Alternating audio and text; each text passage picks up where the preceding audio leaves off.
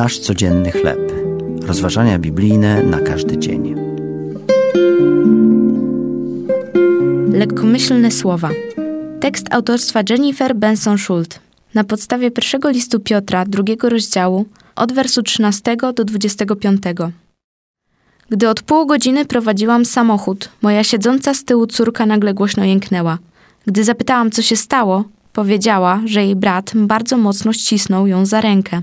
On natomiast stwierdził, że ścisnął ją za rękę, bo go uszczypnęła. Ona z kolei oznajmiła, że go uszczypnęła, bo powiedział jej coś przykrego.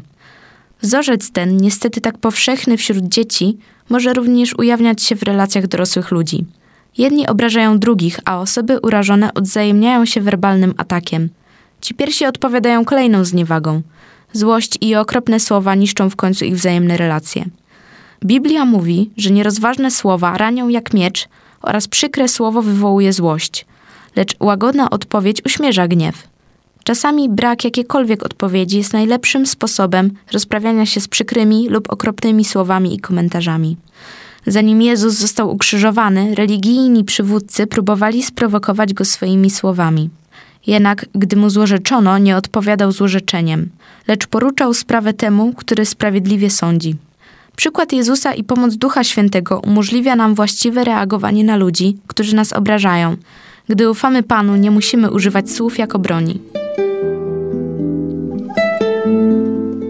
To były rozważania biblijne na każdy dzień.